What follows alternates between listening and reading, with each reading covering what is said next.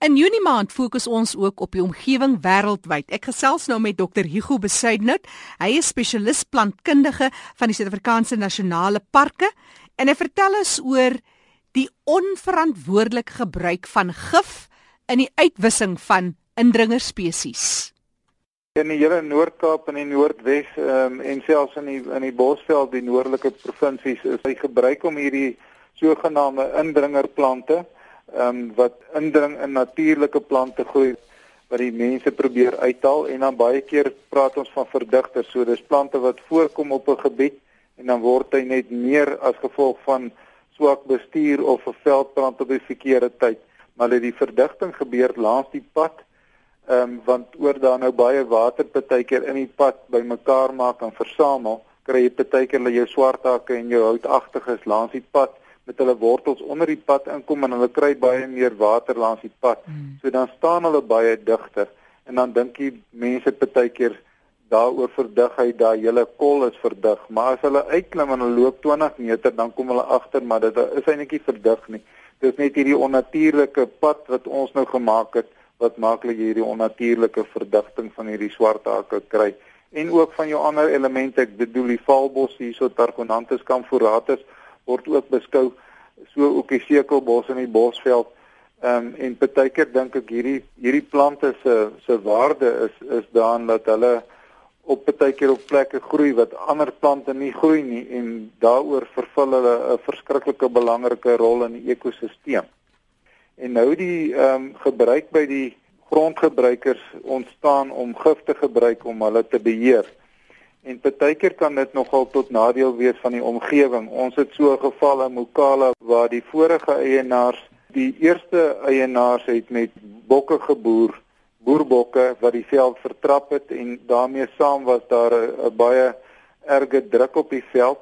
So van die spesies soos byvoorbeeld 'n swarthak het het verdig en ook die uh hakensteek, die wit hakensteek, die akasia tortoise het verdig en dit het toe 'n jagplaas geword na dit met met boerbokke en beeste geboer het.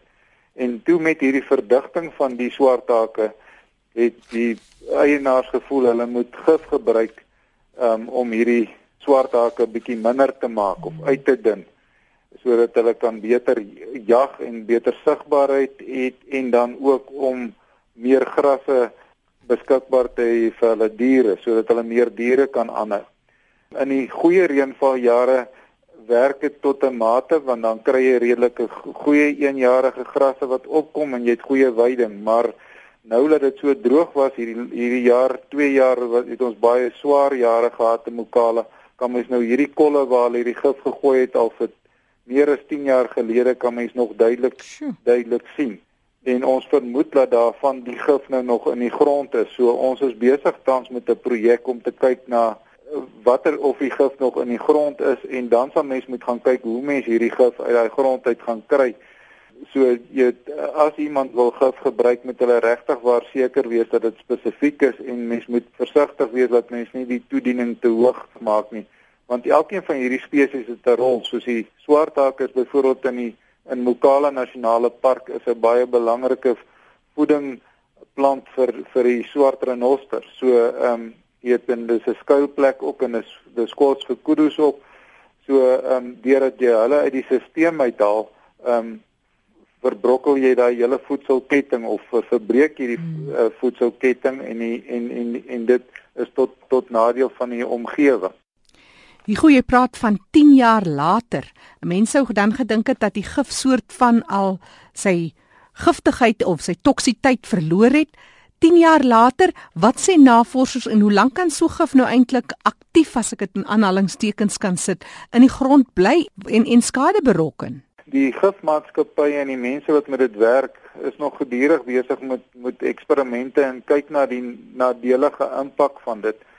Ongelukkig is daar baie keer want in hierdie gif is daar 'n aktiewe bestanddeel wat baie keer um langer kan bly in die grond en dan as jy sit met 'n 'n sandgrond en met 'n laer reënval byvoorbeeld dan by daai gif vir baie jare daarso en as gevolg van die sandgrond kan hierdie gif baie keer in plek van dat dit wegdreineer oor jy nie baie reën kry nie ek bedoel ons sit hier met 350 mm reën partykeer minder ehm um, bly die gif dan meer aktief in in in bly dit binne in die grond.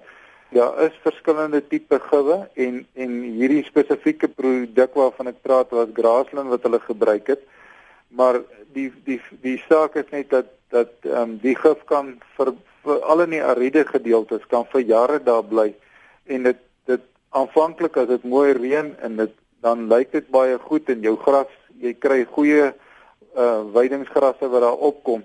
Maar sodra jy begin aan swaar trek en jy kry ondergemiddelde reënval sê minder as 150 mm dan is daar nie genoeg vir hierdie gras nie en dan lyk dit soos 'n woestyn dan sien mense eintlik wat die effek is van gif Praat van die effek van gif. Daar is tog 'n rol ook wanneer jy gif maar kan gebruik en moet gebruik. Maar die een groot sal mense sê versoek is dat jy net moet verantwoordelik daarmee omgaan en net eers die nodige kundigheid inkry.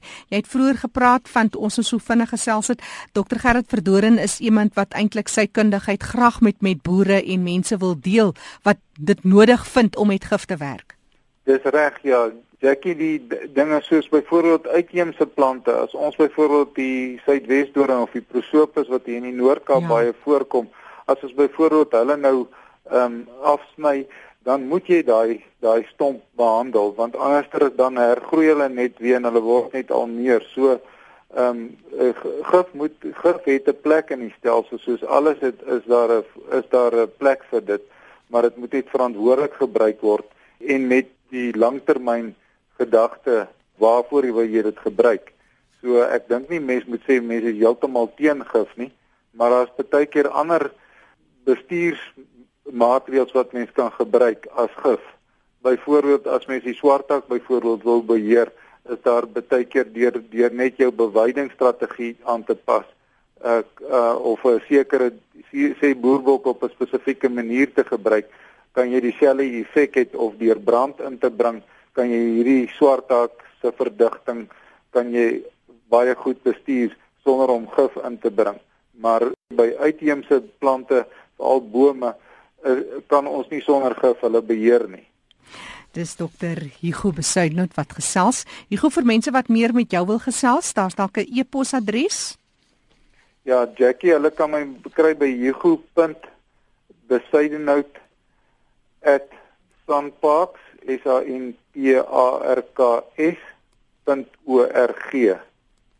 Ek herhaal net weer Hugo se e-posadres dis hugo.besuidnout by sandparks.org.